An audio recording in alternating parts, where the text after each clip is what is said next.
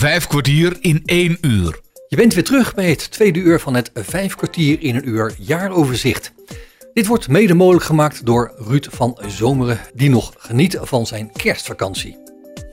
Hans Wensveen heeft iets met instrumenten die wat in de vergetelheid aan het raken zijn. Zo ook de accordeon. Omdat het heel belangrijk is om deze instrumenten te onderhouden, ging hij naar Zaandam en sprak daar met de 81-jarige Fred Kerkvliet. En Fred Kerkvliet eh, repareert accordeon, speelt accordeon, is een muzikant in hart en nieren. En eh, we zijn hierheen gegaan met zeven accordeons. Die moeten wel worden nagekeken. En eh, de eerste accordeon hebben we al onder handen gehad. En eh, Fred die heeft nu zijn tweede accordeon voor hem staan die hij gaat beoordelen over wat er allemaal moet gaan gebeuren. Eh, jij speelt hoe lang ac- accordeon? Ik eh, word volgende week 81 en ik was 9 jaar toen begon. Negen jaar. Ja, met zo'n dus- klein accordeonnetje. Nog niet zo groot als die hier staan. Ja, ik heb er nog een foto van hier op de achtergrond. Eh dan moet ik even zoeken, maar die heb ik dan al staan. Dat was een, eh, dat was een Duits accordeonnetje, daar ben ik mee begonnen. En daarna een Marinuzzi. ja. En eh, daarna een, een, een Charles Frère. En toen een, eh, een, wat was het ook alweer, een accordeola. En, eh, en oh ja, ik heb met 45 jaar op een Honor gespeeld, een Honor eh, Atlantic 4 Deluxe. En eh, nu de laatste jaren, de laatste 10, 15 jaar speel ik op een Pier Maria. Nou ja, dat gaat wel goed af. Ook eh 96 bas. Qua gewicht is dat ook te doen eh, om mee te nemen bij optredens enzovoorts. Ja, zo'n accordeon die weegt toch wel eh, een paar kilo's, denk ik. Die, eh, die 96 bas die weegt 10,5 kilo. 10,5, oké. Ja, nou ja, maar is- laten we zeggen, een normale 120 bassen dan zit je toch gauw op eh 12, 13 kilo. zo. Afhankelijk van het materiaal wat gebruikt wordt.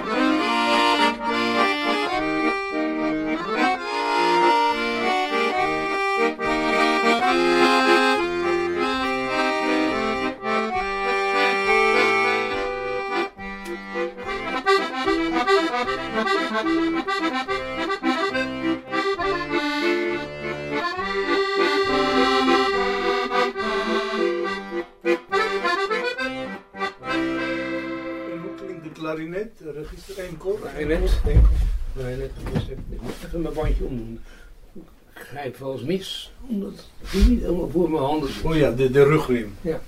Oh, Het rugriempje, ja. De eenkorige klank.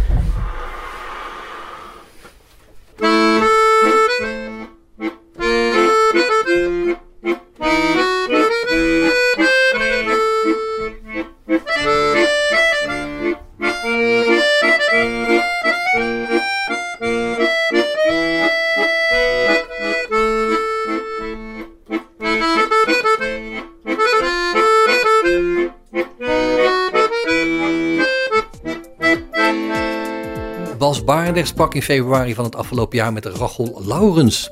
Zij is een fashion designer en eigenaar van het bedrijf Civiel. Zij maakt kleding die voldoen aan de wensen en behoeften van vrouwen met een visuele beperking. En hoe kwam je erbij om voor slechtzienden en blinden iets te willen doen? Ik wou heel graag iets, eh, ja, een soort een probleem oplossen of een, een probleem beter maken.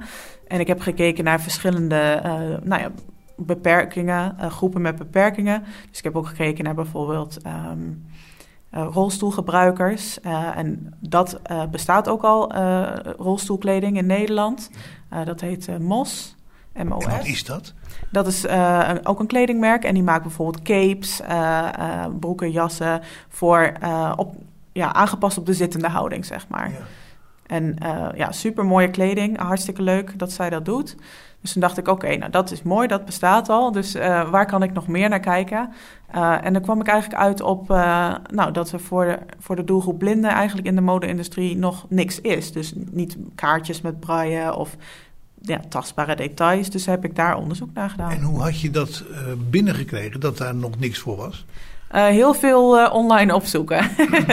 Mensen vragen van, nou, zijn er al dingen waar, waar jij van weet? En, en stichtingen benaderen en zo. En ja, er zijn wel wat dingetjes.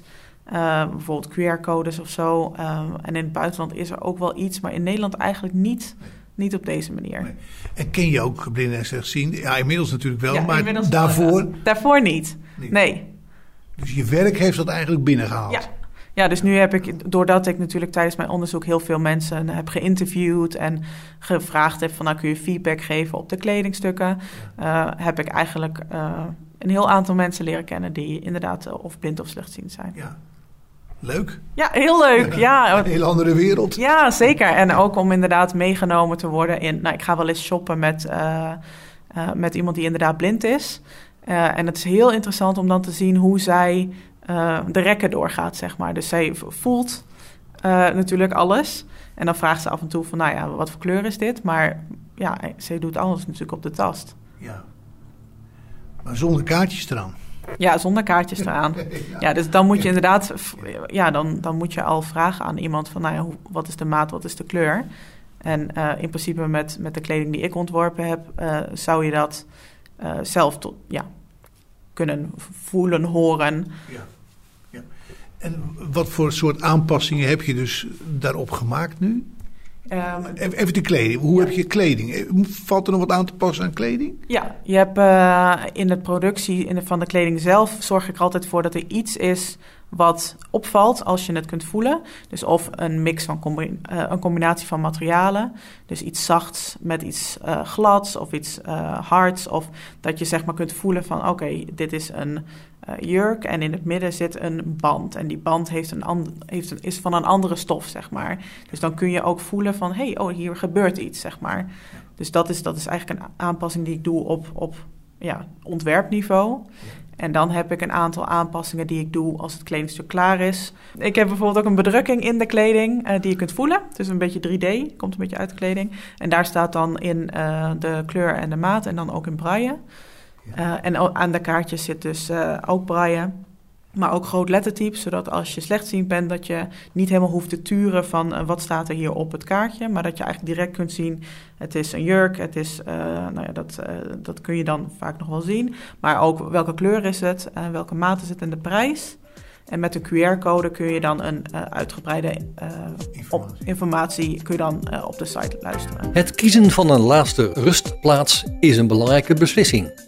Nou kan dat natuurlijk op een reguliere begraafplaats, maar er is ook een alternatief. En dat is begraven worden in de natuur. Een organisatie die dat regelt heet Natuurwens. Ons paradepaardje is waar wij nu staan. Het is het, uh, het Nationaal Park de Hoge Veluwe.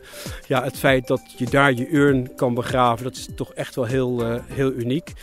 Maar dat brengt ook wel verantwoordelijkheden met zich mee om het op een hele uh, verantwoorde manier te doen. Uh, en dat doen we dan ook. Dus uh, ook hier staat de natuur op één. de wijze waarop wij het doen. Er wordt, de gebieden die geselecteerd zijn, zijn gebieden waar het ook gewoon kan. Ewart zal zo even ook wat vertellen over de wijze waarop we het verder ook, ook, ook technisch doen. Maar het feit dat hier ja, je je laatste rustplaats kan vinden is wel heel bijzonder. En ja, ja, onze slogan is ook zo bijzonder kan uw laatste rustplaats zijn. En dat is ja, als je hier om je heen kijkt, uh, voor we zien een prachtige open plek met daaromheen uh, heuvels met, met, met bomen. En ja, dit is, dit is als het zonnetje schijnt, dan sta je hier echt, ja, dan word je gewoon stil van hoe mooi deze omgeving eigenlijk is.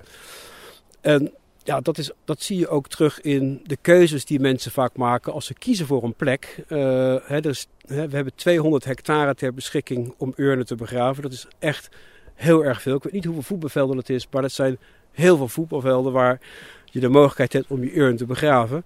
Dus er is keuze te over. Maar je ziet toch dat mensen vaak hele specifieke plekken uitkiezen die het meeste aanspreken. Heel vaak aan de bosrand, waar wij nu ook staan. We staan nu op een heuveltje aan de bosrand met uitzicht over een hele mooie open plek. Ja, dat vinden mensen toch fijn om in de rug een beetje gedekt te zijn door het bos en met een wel een heel mooi uitzicht te hebben. En ja, als wij rondleidingen doen met mensen, is het echt. Uh, uh, ja, dat zijn hele mooie momenten als mensen bezig zijn om een laatste rustplek uh, uit te zoeken. Ja, en hoe doe je dat dan? Zoals wij nu ook door het bos lopen? Ja, dat is eigenlijk zoals wij het doen. Kijk, we hebben een hele mooie website, we hebben hele mooie brochures, maar we zeggen eigenlijk. Ja, leer je het pas waarderen als je hier rondloopt. Dus we nodigen altijd mensen bij voorkeur uit om een rondleiding te doen. Dat kan in groepsverband of dat kan individueel. Eh, sommige mensen vinden het fijn om in groepsverband een rondleiding te doen, want ja, dan ben je iets anoniemer. Andere mensen vinden het juist fijn om individueel een rondleiding te doen, want ja, er komen toch vaak hele ja, persoonlijke gesprekken komen er uh, aan bod. Dus wij geven de mensen de keuze, groeps, groepsrondleiding of een individuele rondleiding.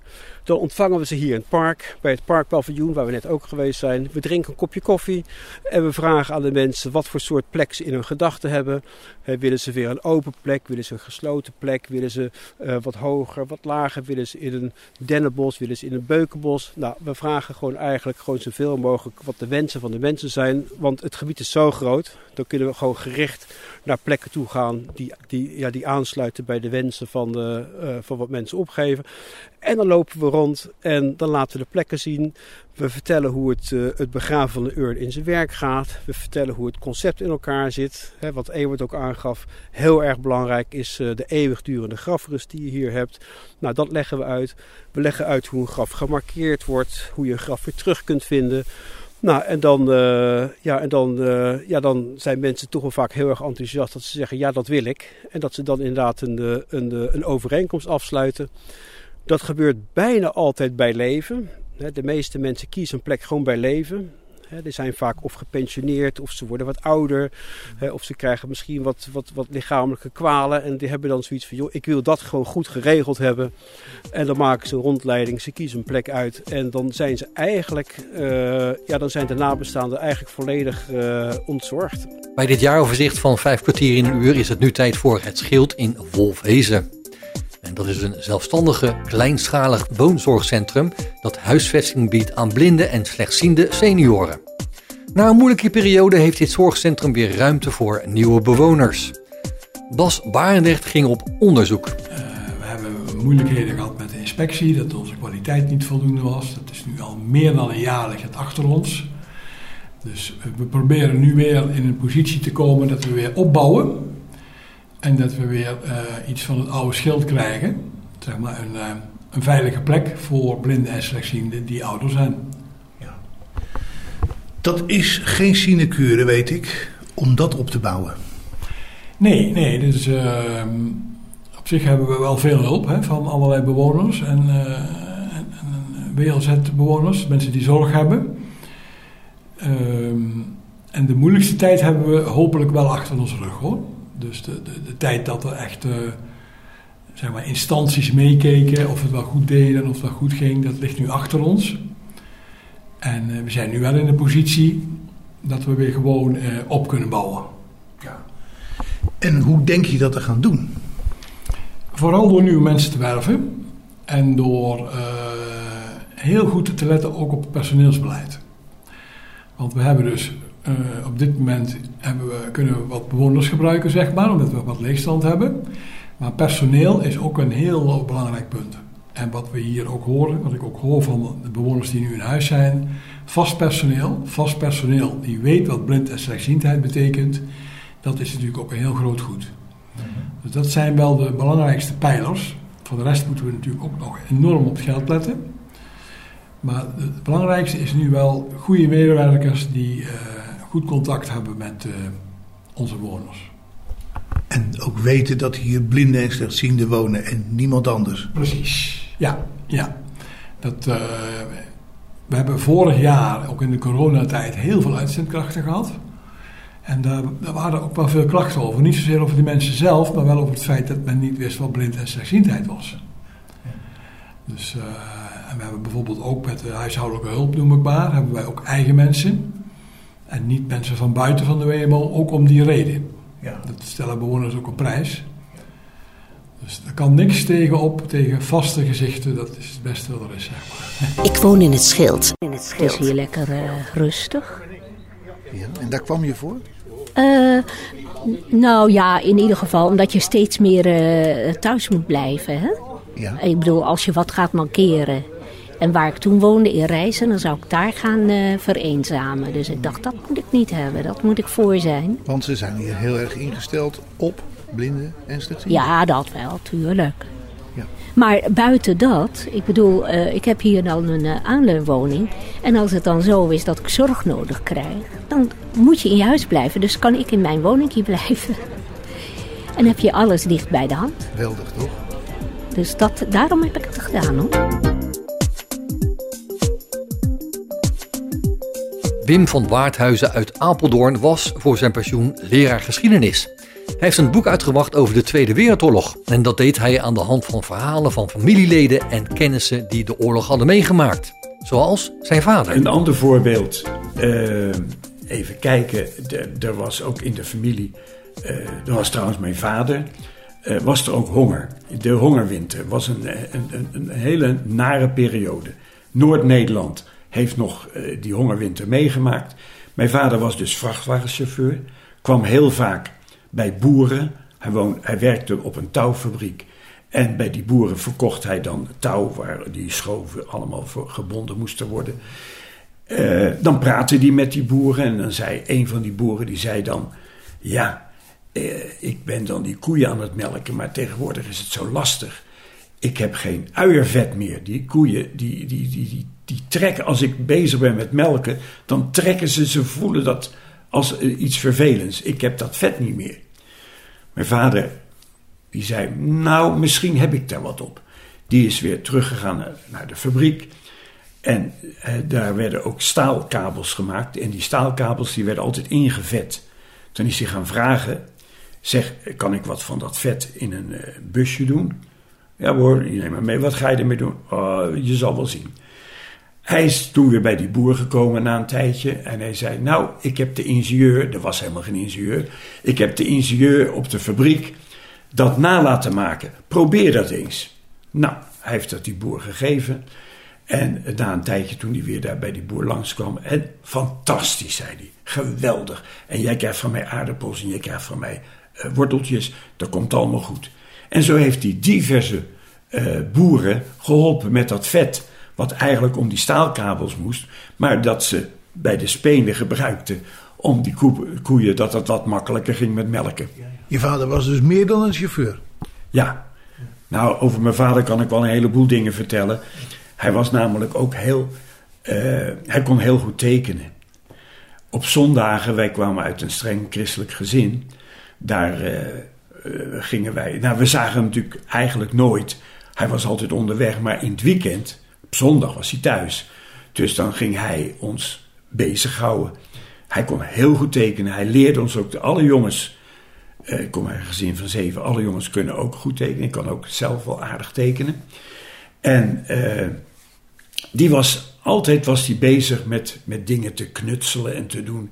Was, hij was ook heel technisch. Als er iets kapot ging, hij maakte het stofzuiger kapot. Hij maakte de stofzuiger. Nou, dat, uh, dat was uh, op een gegeven moment uh, werd er, uh, was er geen benzine meer. Toen kwam er op een gegeven moment een verhaal van... je kan ook een een of andere ketel achter op je wagen zetten... en met antraciet en met allerlei technische snufjes kan je ook rijden. Heeft hij gedaan. Hij vaak met zo'n ding heeft hij daar rondgereden door Nederland. Hij zei altijd, je moest wel heel lang starten voordat hij dit ding echt wel, dat die wagen weer ging rijden. Maar het was het was uh, een, een, echte techneut. Dat, dat kon hij. Je hield van je vader? Jawel, het was, het was een geweldige kerel. Hij, uh, hij vertelde ook uh, bijvoorbeeld dat hij met die vrachtwagen op een dijk reed.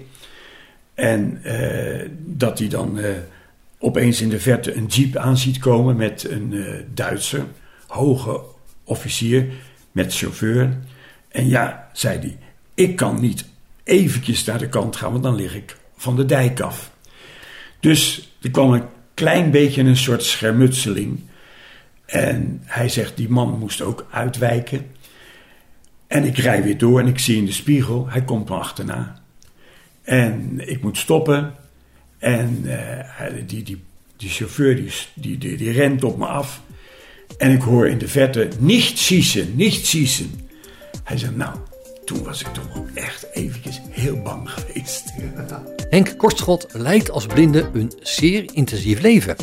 Zo heeft hij niet alleen 40 jaar bij het Slotervaartziekenhuis gewerkt, maar maakt hij ook items voor het alternatiefje. En hij was zeer betrokken bij de ziekenomroep Domino. En toen gingen we de huishoudbeurs organiseren, de uitzending gingen maken van de huishoudbeurs. En daar hebben we ook allerlei dingen voor geregeld. Althans, ook weer artiesten, maar ook... Uh, in de rij was dat? In de rij, jazeker. We hadden op een gegeven moment een hele stand in de rij gebouwd. Oké. Ja, we hebben van alles gedaan op dat gebied. Dat was ongelooflijk. Het was, uh, ja, want ja, je, je, je was, je, dat wilde je gewoon heel graag. Vond, vond ik gewoon leuk. Ja, dus daar kon je je talenten geheel kwijt. Nou, en mijn sterkste ding wat ik ooit heb gepresteerd voor de ziekenomroep is wel het volgende. Het krijgen van een muzieklijn was altijd heel duur. En binnen Amsterdam konden we dat nog wel regelen met de PTT, want dan had iemand contact met de PTT. Maar toen wilden we een, uitzending gaan maken vanaf de Medica-beurs in Utrecht. En dat betekende dus een muzieklijn die moest gaan lopen van, van Utrecht naar Amsterdam.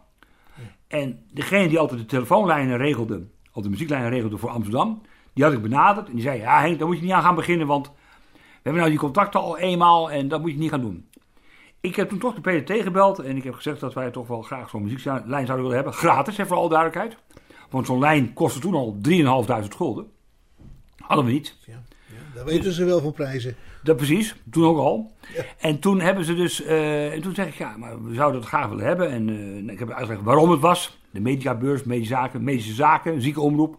Past heel goed. En toen kreeg ik pas één dag van te horen, te horen dat het kon.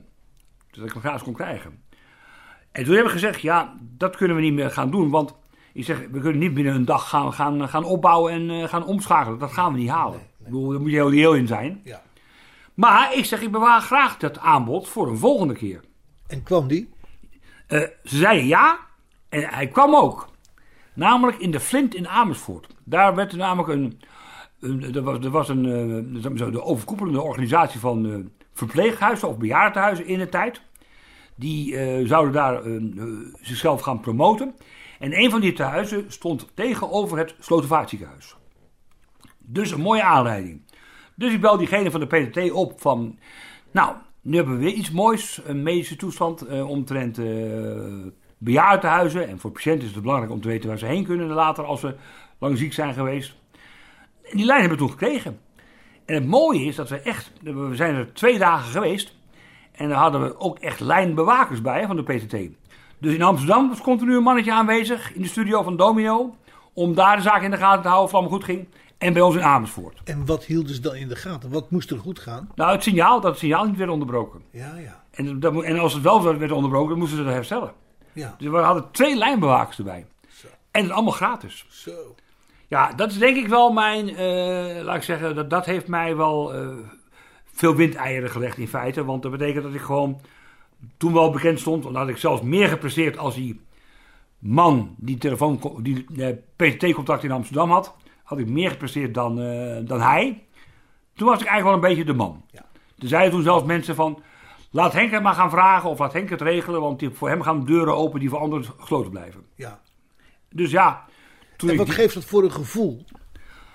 Nou, uiteindelijk wel een gevoel van voldoening... maar je moet er wel heel veel energie in stoppen. Vijf kwartier in één uur. Momenteel luister je naar een uitgebreid jaaroverzicht... van de onderwerpen die dit jaar bij Vijf kwartier in een uur... de revue zijn gepasseerd. Bas sprak nogmaals met visueel gehandicapte Stef Amade. Hij is geboren in Bandung op het eiland Java in Indonesië op 21 juli 1948. Op Radio 509. Indonesië ben je dus geboren. Ja. En uh, daar was toen nog president Sukarno. Ja, aan die tijd wel, ja. Ja, ja die was wel aan bewind. En de jaren, ik praat dus over de jaren 50, hè. Ja. Dat ik, uh, want daarvoor weet ik natuurlijk eigenlijk niets. Ik werd bewust, zeg maar, vanaf mijn nou, vierde jaar, 52. Dus ik heb van, van vierde jaar tot mijn twaalfde in Bandung gewoond. Ja, met je ouders? Met mijn ouders, met ons heel gezin.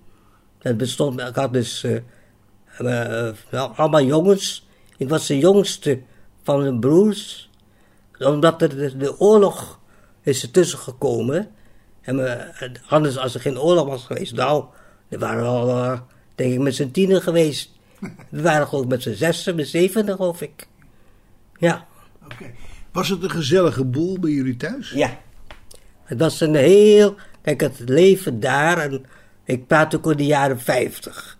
Een Bandung is het hele leven heel anders. Ik bedoel, uh, Indonesië. Ten eerste sta je al om vijf uur s morgens op. Dus het is al helemaal licht. Uh, aan, aan half acht begint de school. En half één ga je weer naar huis. Ja. En verder van de middag was je gewoon vrij. Ja, lag je dan op bed smiddags of niet? Nee, nee maar dan ging je ach, ja, een beetje... Uh, of, of een beetje buiten spelen. Of je had huiswerk. Maar ja, verder... Of dan ging je smiddags... Gingen we wel eens ook naar het centrum. Om gewoon maar winkelen of zo, of niet. Ja, dat ligt daar gewoon, hè. En ging je toen ook naar een bijzondere school? Een ja. aangepaste school? Nou, het was zo dat...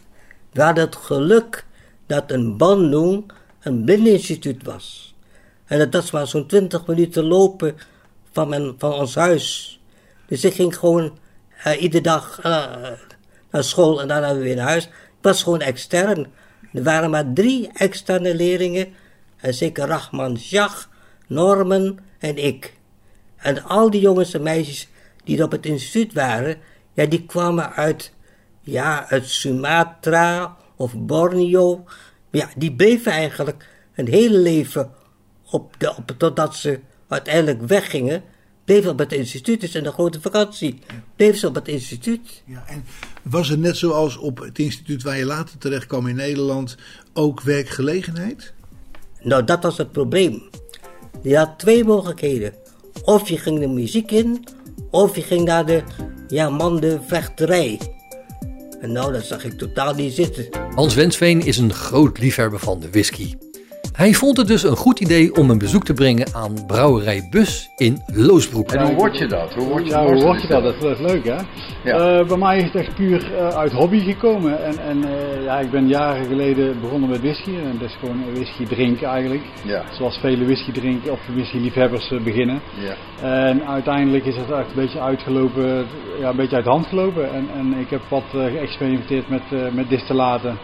Uh, dus gedistilleerd thuis. Um, en, en zo, zo ben je eigenlijk... Uh, een beetje illegaal aan het hobby eigenlijk. Ja, een, beetje, een beetje officieel wordt het wel een klein beetje ja. gedoogd in Nederland. Hè. Ja, ja, ik, ik, ik, ik, heb nooit echt uh, liters alcohol gemaakt. Nee, maar het gaat echt, wel, echt, echt, gewoon om, om heel kleine, kleine hoeveelheden. Dus natuurlijk anders als we nu, nu zijn.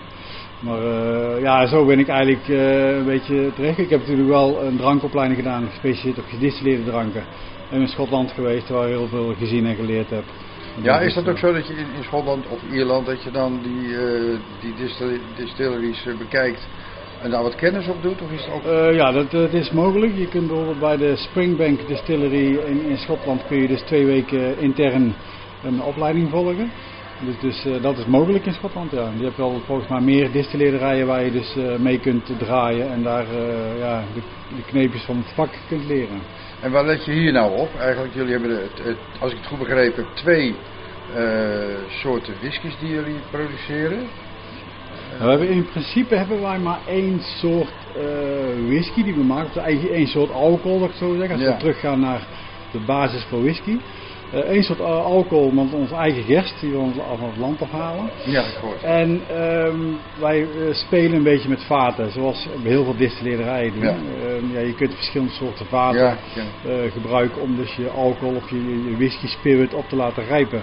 Uh, maar we hebben nu tot nu toe hebben we twee verschillende soorten uh, bedjes op de, uitgebracht op de markt. De, de, de, de bourbonvaten en ja. de, de, PX. Uh, ja. Ja, ja, ja. Maar jullie experimenteren of is er nog toekomstmuziek met portvaten bijvoorbeeld? Ja, we hebben, op dit moment hebben we heel diversiteit aan vaten liggen. Dus niet alleen bourbon, maar ook verschillende soorten sherry's. Okay, onder andere een, een Pedro Ximénez PX sherry, Oloroso.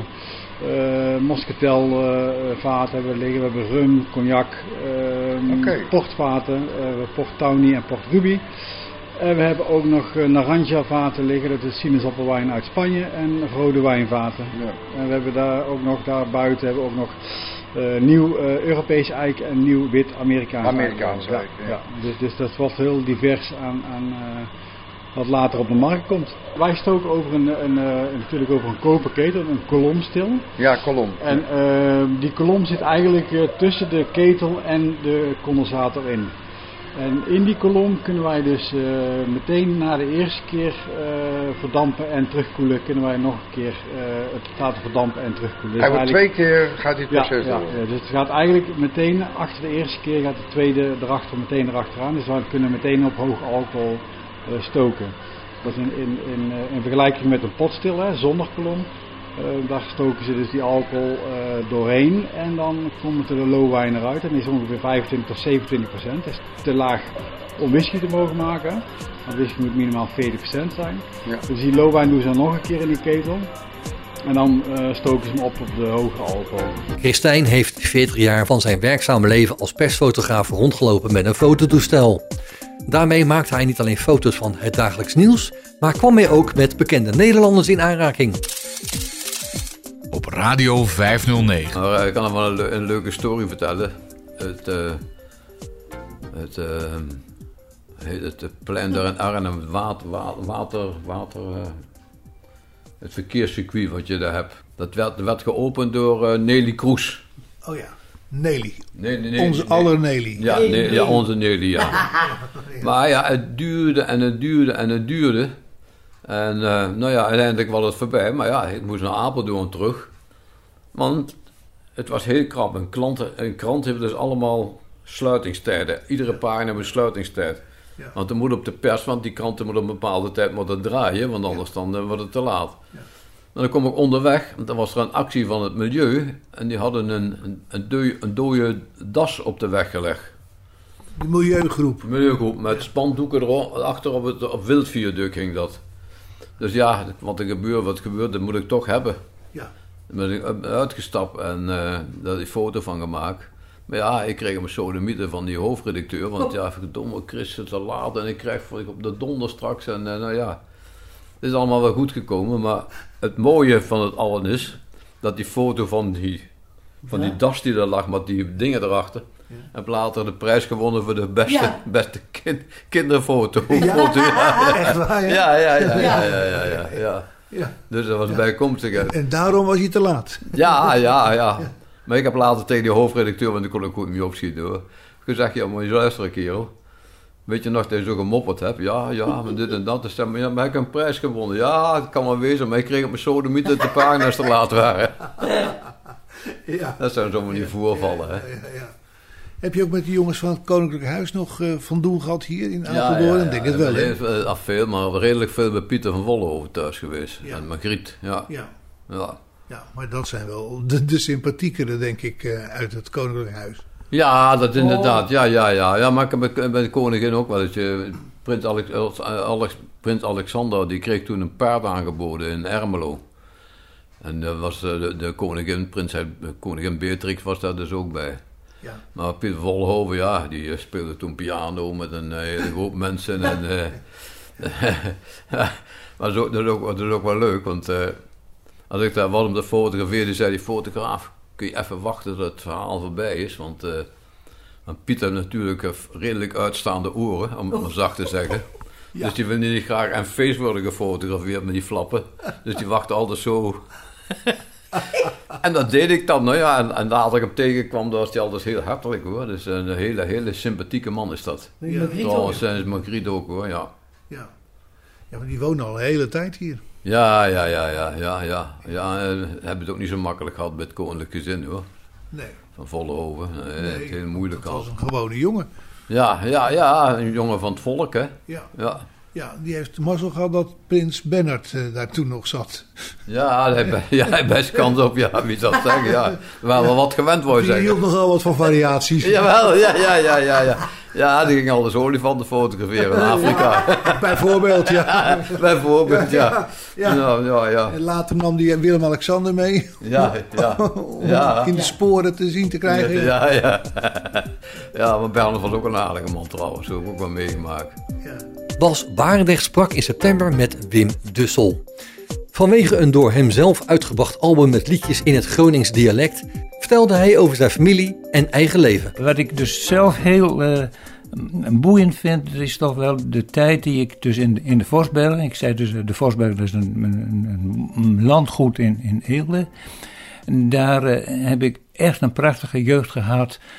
En zo gauw ik daar kon kruipen en lopen, weet ik dat mijn vader zei: Wim, dat was een ondeugend kereltje, want hij hing op een gegeven ogenblik uh, over uh, de omheining heen om de worteltjes uit de tuin te halen. uh, dus, dat, dus dat kun je voorstellen. En ik vind ook altijd, als ik dus de jeugd van tegenwoordig zie met al die iPhones en zo, dat die wereld die wordt zo klein. In onze wereld was heel groot, die was om ons heen en wij konden alles zelf ontdekken. En bij dat ontdekken denk ik dan, uh, in, als de eikels van de bomen vielen, dan maken we een proppenschieter. En met die proppenschieters konden wij dus, uh, nou, niet de vogeltjes uit de bomen schieten, maar dat was wel een beetje de bedoeling. en een pijl en boog kon je maken. Dan moest je precies weten hoe zo'n pijl eruit moest zien om hem toch wel scherp te krijgen, zodat je iets kon raken. Uh, nou, waar is de tijd gebleven dat we allemaal samen uh, op de schaatsen konden? We hadden een prachtig vijvertje in de buurt en daar leerde je dan schaatsen. De hele winter lang kon je daar heerlijk vertoeven. Uh, speurtochten organiseren. Het, het, hield eigenlijk niet op. Nee. Maar het was wel passende in die tijd. Ja, het past helemaal natuurlijk. Het was, uh, ja, en uh, wij hadden dus de meeste familieleden, de broers van mijn vader, die woonden dan in Groningen. En de afstand is een beetje naar 12 kilometer vanaf Groningen. En die kwamen dan zondags uh, bij Jan en Jankje, want dat zijn mijn ouders, Jan en Jankje. Die kwamen dan even op de fiets, even een rondje uh, doen, even een kopje koffie drinken in de Vosbergen. En dan pakten ze de fiets weer en dan gingen ze weer naar huis. En wat er mij heel uh, duidelijk opvalt is dat in de oorlogstijd als ze dan kwamen, dan kregen ze altijd van Jan, mijn vader dus, wat mee uit de tuin. En dan zeiden ze, dat kostte Jan niks, ja, maar dan heet het jezelf. dus dat, dat is uh, een rare gedachte natuurlijk. Het, natuurlijk kostte dat wat. dat was, want dat, dat kosten, de kost die erbij, die er tegenover stond, was dat ze dus da, eigenlijk mijn vader mijn, en ook mijn moeder dag en nacht bezig waren met, met werken. Want ja. wij, mijn vader had dus een klein boerderijtje, twee, drie koeien. Uh, nou, die moesten uh, verzorgd worden. Mijn moeder die hielp ook in de oogsttijd mee uh, met het aardappelrooien. Dus eigenlijk waren ze dag en nacht bezig. En dat betekende dat wat mij zoon betreft, toen ik zo'n beetje in acht, negen jaar was, dus naar de lagere school ging, dat ik daar al in, vrij zelfstandig door ben geworden. He, want vaak kwam ik dan thuis ook en dan stond een potje met aardappelen op het vuur dat ik mezelf kon bedienen. Want tijd om daar uh, thuis te zijn was er niet. Van 2 tot en met 9 november was het de week van de pleegzorg. Daar werd aandacht besteed aan het tekort aan pleegouders. Om die reden ging Bas Barendrecht bij dit jaaroverzicht van 5 kwartier in een uur in gesprek met pleegouders Frank en Hanneke Meijer. Het was voor jou de eerste die hier kwam? Ja. Quint. En hoe lang heb je toen moeten wachten op de andere twee? Uh, nou, het is niet zozeer moeten wachten. Het is meer uh, wanneer. Willen wachten? Ja, wanneer zijn wij er weer klaar voor en voelen we aan de kinderen dat het oké is. En uh, Quint woonde hier een jaar en toen hebben wij gezegd tegen pleegzorg van nou, um, mag we kijken of er een, of er een nieuwe match is, of er een ander kindje um, bij ons kan komen wonen. En um, dus na een jaar ongeveer, toen hebben wij het weer opengezet, zeg maar. Ja. En toen kwam hij heel snel kwam Romano op de proppen. en werd de vraag gesteld aan ons of we daarover na wilden denken. Of wij een goede plek voor Romano zouden kunnen zijn. En hoe oud was Romano toen? Um, toen die vraag kwam was Romano een maand of vijf. En toen bleek het toch administratief het een en ander nog niet te kloppen. En leek het even niet door te gaan. En toen die zeven maand was, toen kwam uiteindelijk toch wel de de vraag uh, of hij naar ons toe kon. Dus toen zijn we bij Romano kennis gaan maken. Die woonde toen bij een uh, uh, crisispleegmoeder. En voor tijdelijk. En nou, dat, dat was dikke mik. En is Quint ook mee geweest met, met die kennismaking om te kijken hoe dat zou reageren op elkaar. Quint en Vond hij dat leuk? Ehm, ja, nou, hoe oud was het? Quint was toen 2,5. Ja. En uh, ja, het is een uitje en nieuwe plekken zijn altijd ingewikkeld voor hem. Dus ja, hij is niet per se leuk. maar het, het, ging niet mis in ieder geval. Dus uh, hadden we zoiets van, nou, dat, dat gaan we aan. Ja. ja. En toen Romano eenmaal bij ons woonde, toen heeft het wel twee jaar geduurd voordat we weer zeiden van, nou, nu is er wel weer uh, plek en rust in het gezin om, om er een derde kindje bij te En dat was ook zo jong? Uh, Jaden die was wat ouder, die was uh, 2,5 toen hij bij ons kwam. En uh, ja, die praatte dus al volop. En die was zich ook heel bewust van de mensen die eerst voor hem zorgden. Dat waren een papa en mama ook voor hem, waren ook pleegouders. Mm. Um, dus hij kreeg ineens, uh, ja, waren die papa en mama er niet meer en waren wij ineens papa en mama. Mm. En, Heeft dus... hij daar problemen mee gehad? Nou, we merkten wel aan hem dat dat uh, ingewikkeld was. Ja, ja, want eigenlijk, ja, je plukt een kind uit een, uit een vertrouwde situatie en, en snijdt ineens alle lijnen door. En ja. een andere woonplek, andere verzorgers, andere vertrouwenshechtingspersonen om hem heen. En uh, die er ineens allemaal niet meer zijn. Ja. En ineens in, ja je, ja, je pakt een kind op en dropt hem ergens aan de andere kant van de wereld, bij wijze van spreken, voor zijn idee. Dus dat, ja, dat brengt wel reacties teweeg. Ja. hoe is dat nu? Um, ja, het is heel fijn en, de jongens kennen hun verhaal en die weten ze zijn bij de ene moeder geboren en ze hebben toen nog op een andere plek gewoond allemaal. En die andere plek is, is opa en oma of is uh, uh, een crisis of een pleegmoeder geweest of pleegouders geweest. En daarna zijn ze bij ons gekomen, dus dat verhaal is eigenlijk hetzelfde voor hun alle drie. En dat kennen ze en dat is oké voor ze, want dat is hun normaal. En, en zo brengen we het ook. Dat, dat, ja, mhm. weet je, daar doen we niet, niet uh, ingewikkeld over. Mm. Um, maar het zit natuurlijk wel in, in die hechting en in, in dat diep gewortelde vertrouwen. Er zitten natuurlijk wel krassen en deuken. En daar zijn ze zichzelf niet bewust van. Maar wij merken dat wel in het gedrag. Ja. Hans Wensveen bezocht in oktober samen met een groep mensen van de Oogvereniging het voormalig vlaggenschip van de Holland-Amerika-lijn, de SS Rotterdam. Maar het schip heeft tot, en dat heb ik altijd netjes opgeschreven, om geen fouten te maken. Maar het begint een heel vies papiertje te worden, dat begrijpt u wel hè. Kijk, dat heb ik, uh, nou, dus 1959 in de vaart gekomen. Het schip is gebouwd bij de RDM, de Rotterdamse Droogdokmaatschappij. Dat is hier vlakbij, dat is aan de Waalhaven, de Heiplaten, misschien kent u het wel. Het schip heeft 39 jaar gevaren onder de vlag van de Hontemerkelijn. Um, tot 1998 werd toen verkocht aan de Premier Cruises. De Premier Cruises hebben er nog drie jaar mee gevaren. Die gingen failliet en toen lag het schip in Halifax. Het schip heeft drie jaar, jaar lang op Halifax gelegen en werd toen versleept naar de Bahama's. En van de, van de Bahama's werd het op een gegeven moment versleept naar, oh sorry, werd het op, op een gegeven moment versleept naar, uh, naar Cadiz. Want Joep van der Nieuwenhuizen had dit, uh, dit schip gekocht. En die zou dus dit schip gaan gebruiken voor het een of het ander. Maar Joep die had er één sleepbootje voor gezet. Had het goed verzekerd. Want Joep had het idee, het zou wel eens heel slecht weer kunnen worden. En dan zou het schip wel eens kunnen vergaan. Maar dat is mijn slechte gedachte over Joep.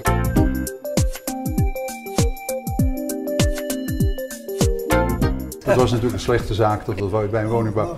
Want daar, vandaar dat minister van der Laan, die was dus eh, toen minister van Volkshuisvesting.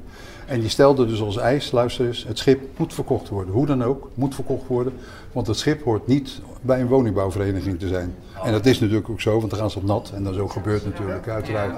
Maar het schip is inmiddels verkocht aan Westcourt. En Westcourt doet goede zaken. Je moet zich ook voorstellen, die hebben het gekocht voor iets meer dan 30 miljoen.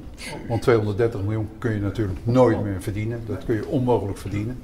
Maar 30 miljoen daarvoor is natuurlijk wel, wel, wel iets te verdienen. Want u moet zich voorstellen, we hebben nu nog 245 hutten aan boord. We hadden er 550. Zo. We hebben 245 hutten aan boord, want we hebben die hutten ingericht als meer als een hotelkamer. Mm. Maar wij blijven hutten zeggen, want we zijn aan boord van een schip. Dat is du nog maar duidelijk zijn. Ja? Maar dus we hebben, waar vind je een hotel voor 30 miljoen?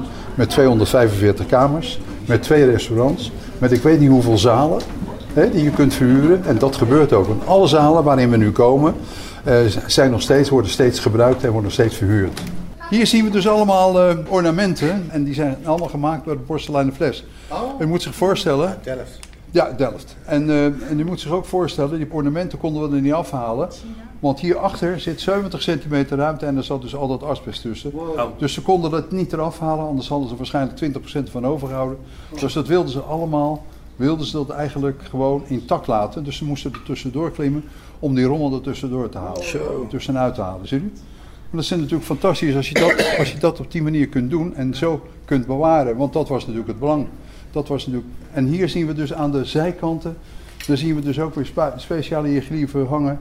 En die waren toen de tijd aan de binnenzijde voorzien van 18 karaat bladgoud. Hmm. In de renovatie niet hoor. Je, was dat blag, want het schip heeft natuurlijk drie jaar opgelegd gelegen. Nou ja, wat doet de tro in de tropen onder andere? Wat doet het dan? Dan is het natuurlijk ongelooflijk geruineerd, dan is het allemaal weg. Dus dat is met een la- laagje goudverf is dat gedaan. Nou, aan de zijkanten zien we dus hier allemaal die panelen hangen die vertellen het verhaal van Odyssee. Ja, heel belangrijk is dat natuurlijk wel. Odyssee, je kent het wel, hè? dat is natuurlijk een, eh, een Griek die, eh, die, eh, die toen de tijd, in, die tijd, in die tijd leefde. Maar goed, dat zijn ook allemaal panelen, zijn ook allemaal gemaakt bij de porseleinenvlees in Delft. Ziet u? Is dat Achter relief, die- die panelen? Wat Ja, zegt u? relief. Is dat relief? Ja, dat zijn relief, reliefs. Onder het dak van de Orchideehoeve in Luttelgeest, en dat is te vinden in Flevoland, schuilt een indrukwekkende junglewereld vol prachtige bloemen en dieren. Christian de Vries is verantwoordelijk voor de tuinen en de dieren. Hij vertelt nu over het ontstaan van de Orchideehoeve. In eh, 1979 is het vanuit Alsmeer naar Luttelgeest verhuisd. Ze waren echt eh, kwekers van orchideeën. En toen is een beetje als hobby het verzamelen van orchideeën begonnen. Nou, je kunt wel zeggen dat die hobby een beetje uit de hand gelopen is. Ja, dat kun je wel zeggen, ja. Ja, dat kun je zeker zeggen. Dus ze, hebben, eh, nou, ze zijn met het verzamelen van orchideeën begonnen. Nou, ik weet niet of u Kom in de Kas kent. Ja. Nou, eigenlijk is het toen een beetje begonnen allemaal. Wij hadden een keer Kom in de Kas hier. En er was zoveel animo en zoveel mensen wilden dit daarna nog een keer zien. Dat ze dachten van, goh, laten we af en toe open gaan voor groepen. Ja. Maar dat werden er zoveel, dus toen zijn ze op een gegeven moment met een beetje intree begonnen. Nou, en als je wat intree krijgt, dan kun je ook wat meer weer gaan bouwen. Dus toen is het steeds eh, verder uitgebreid. Het is begonnen met een kleine schildpaddenvijver. Inmiddels is het nu een eh, volwaardige dierentuin-attractie. Er staan hier ook planten, die heb je thuis wel, alleen dan een mini-uitvoering. Hè? Ja, dit zijn hele grote planten, ja. We, toen we deze tuin maakten, in deze tuin die hebben we in 2000 gemaakt. Toen kochten we ook echt één plant, zat in één grote vrachtwagen. Ja. Want je wil wel je tuin ook gelijk een beetje volwassen laten lijken. dus dat is wel belangrijk. Ja. Dus je werkt hier al een jaar of twintig. Ja, al meer dan 25 jaar inmiddels. ja, Zo, ja dat is een zo. mooi tijdje. Zo, en je gaat hier nooit meer weg, denk ik. Nou, waarschijnlijk niet. Ik kan zeggen dat ik van mijn hobby mijn werk gemaakt heb. Ja, ja, ja. Ik kom van oorsprong uit Friesland. Ik heb hier ooit stage gelopen. En toen ben ik in de weekenden wat gaan werken. Ik woonde zeg maar een half uur hier vandaan. Ja. Oorspronkelijk. En nu woon ik eh, op vijf minuten in, mooi dichtbij in Luttelgeest. Wat heb je voor opleiding om dit te kunnen doen? Ik heb een middelbare tuinbouwopleiding gedaan in Frederiksoord. Die school stond toen nog in Frederiksoord. Die is er inmiddels niet meer. En dat was echt plantenkunde, zeg maar een beetje. Ja, het opkweken van planten. Ja. Die opleiding heb ik afgemaakt. Ja. En toen ben ik gelijk hier begonnen. En ja, de dieren, dat, eh, ja, door verloop van tijd leer je dat allemaal wel. Je kan een hoop van internet halen. Ja. En we hebben gediplomeerde dierenverzorgers, dus ja, je leert een hoop bij. Die, die werken hier ook. eh. Die werken hier ook zeker, ja. Nauw contact met een dierenarts, dat is ook belangrijk. Dus ja, daar leer je ook een hele hoop van. En eh, zo blijven we alles scherp houden. Nou, we hebben ook allemaal dieren inmiddels. Aapjes, flamingo's. Nou, ik weet niet of u alle dieren al een beetje... Nee, nee, ik heb, ja, aapjes heb ik gezien een beetje. En eh, schildpadden gezien en vogels. Ja, Maar- ja, wat bij ons ook wel een heel belangrijk aspect is geweest in 2008. Toen zijn we de vlindertuin begonnen. De vlindertuin. Een vlindertuin. en dat is eh, ja, de grootste van Europa, mogen we ons noemen. En daar zitten rond de 2000 vlinders in die tuin. En dan rond de 35, 40 soorten. En toen merkten we ook echt, in het begin was het vooral oudere mensen wat hier kwam. Maar toen kwam echt jong en oud hier. Dus sinds 2008 Ja. is er wel wat veranderd hier. Ja, ik ben eens in een vlindertuin in Zeeland geweest. Ja, Kwaaddamme. Ja, en Ja. er waren hele grote vlinders. Ja, die hebben we hier ook. Dat zijn hele grote nachtvlinders. Ja. Die leven ook niet zo heel lang, want die hebben geen mond. Dat zijn uh, atlasvlinders en komeetstaatvlinders. Maar die leven ongeveer maar een week. Dat hebben een hoop mensen niet door, maar een vlinder leeft gemiddeld niet zo heel lang. De gemiddelde vlinder leeft bij ons drie tot vier weken. Maar die vlinder leeft dus maar een week. Nou, dat zijn echt vlinders die zijn zo groot als je hand. En dat zijn, die zijn prachtig, dat zijn nachtvlinders. Die zijn vooral met schemering heel actief. Nou, ze leven eigenlijk van wat ze als rups gegeten hebben. Dat is hun reserve, ja. voor als ze vlinders zijn. Ze zijn ook met één, twee dagen zijn ze alweer bezig met de vermeerdering. Ja, om te zorgen dat er wel weer eh, nieuwe vlinders bij komen. Nou ja, want dat is dus wel zo dat er nieuwe vlinders komen steeds. Ja, we kweken zelf ook een klein beetje. Maar we importeren ook nog steeds vlinders vanuit Costa Rica, vanuit de Filipijnen. En wat heel belangrijk is, de mensen die daar de vlinders kweken, moeten de helft ook weer loslaten in de natuur. Op Kaageiland in de Kagerplassen ligt een fluisterboot van de stichting Kaagervaring. Deze boot is speciaal ontwikkeld voor mensen met een beperking en het stelt hen in staat om binnen hun mogelijkheden te genieten van de prachtige natuur, de vogels en de mooie waterplanten.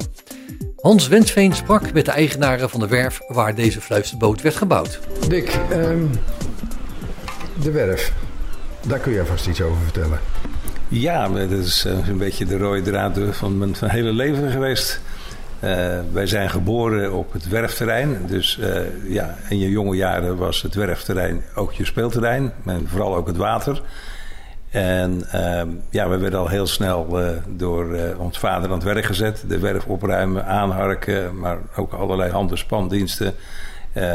later, zeg maar vanaf 13-jarige leeftijd, ja, werd ik meegestuurd met Engels, Engelse klanten die ja, die een uh, schip uh, afnamen en ja, niet konden varen. Dus dan verhuurde ik mezelf als schipper. Uh, ik sprak drie woorden Engels en ja, zo heeft mijn vader me wel een beetje in diepe gegooid. Over welke leeftijd praten we dan, Kees? Nou, dat was 13, 14, 15, 16. Oei, zo. ja. Dat was al behoorlijk vroeg. Ja. ja, dat was... Dat je het zee gaat koos. Ja, dat was, uh, dat was zeker vroeg. Maar ook, ja, hij gaf je de verantwoordelijkheid van, van een heel nieuw schip. Met, uh, ja, waar de klanten aan boord waren. En uh, ja, bijzonder jeugdige leeftijd. Dus ja. dat is, wel is daar ook jouw belangstelling voor boten echt begonnen? Heb je dat nog steeds? Ja, ik, ik hou van boten. Nou, mijn belangstelling is voor de werf eigenlijk. Ik zeg, ik hou van boten en ik hou van mensen. Maar ik hou eigenlijk meer van mensen dan van boten. En dat is denk ik ook een beetje de rode draad die uh, ja, gemaakt heeft van wat ik, uh, wat ik geworden ben in, in dat bedrijf. En uh, ja, ik zeg altijd, het is het enthousiasmeren van de mannen en vrouwen op de vloer tot, tot de klant aan toe en, en iedereen die ertussen zit. Zorgen dat het leuk is. Alles wat we doen moet leuk zijn. Ja, ja, ja. En, ja, en als je dan ook nog een hoog kwalitatief product mag leveren, wat in de wereld heel veel aanzien heeft. En uh, ja, dat, dat, dat doet je goed. Daar word je blij van. Ja, ja daar word je blij van. Is dat ook waarom je betrokken bent geraakt bij, uh, bij dit uh, Kaarervaring project? nou ja, ze, ze zochten vanuit personeelswerk. Hè, dus zochten ze voor leerlingen een project waarbij vanuit verschillende disciplines ervaring opgedaan kon worden. En ehm, toen ja, was er al sprake van dat we met elkaar in de familie zochten naar een, een soort boot waar we zeg maar, mensen met een beperking uh, op uh, konden uh, ja, huisvesten, zeg maar, mm -hmm. voor een rondvaart op de Kaag. Dus wij zeiden altijd van ja, wij hebben zo'n geweldige ervaring met de beleving van alles wat op het water en met bootjes plaatsvindt rond ons ouderlijk huis, rondom de werf. Van nou ja, mensen die een beperking hebben. En als je dat dan aan kan bieden, ja, dat zou ons heel goed doen. Dus uh, dat, dat leefde. En toen kwam uh, Marion Vestering op een gegeven moment als uh, Human Resources Manager. die kwam naar ons toe in de leiding in het bedrijf. Van, ja, zouden we misschien niet iets kunnen bedenken waarbij we dat kunnen combineren? Ja. En zo, ja, zo geschiedde dat. Het klinkt als 1 en 1 is uh, kaagervaring. Ja, ja. ja, ja. het is een, het is een, een mooie optelsom. Ja. Dit was dan weer het vijf kwartier in een uur jaaroverzicht van 2022. Volgende week beginnen we weer met een hele nieuwe cyclus. Om te beginnen met een in memoriam over de op 13 december overleden George Flapper. Die was onder andere bekend van het programma voor mensen met een visuele handicap, Pretletters. En was een aantal keer te gast bij Vijf Kwartier. Ik bedank je mede namens Bas Barendrecht en Hans Wensveen voor het luisteren. En heb je nog vragen of opmerkingen of wil je zelf wel eens aan het woord komen, dan kan je een mailtje sturen naar bas.radio509.nl. Dit programma is overigens ook te beluisteren via de podcast van Radio 509. Geniet van de rest van deze dag, blijf luisteren naar Radio 509 en tot een volgende keer. Vijf kwartier in één uur is een programma van Bas Barendrecht. Techniek André van Kwaabegen.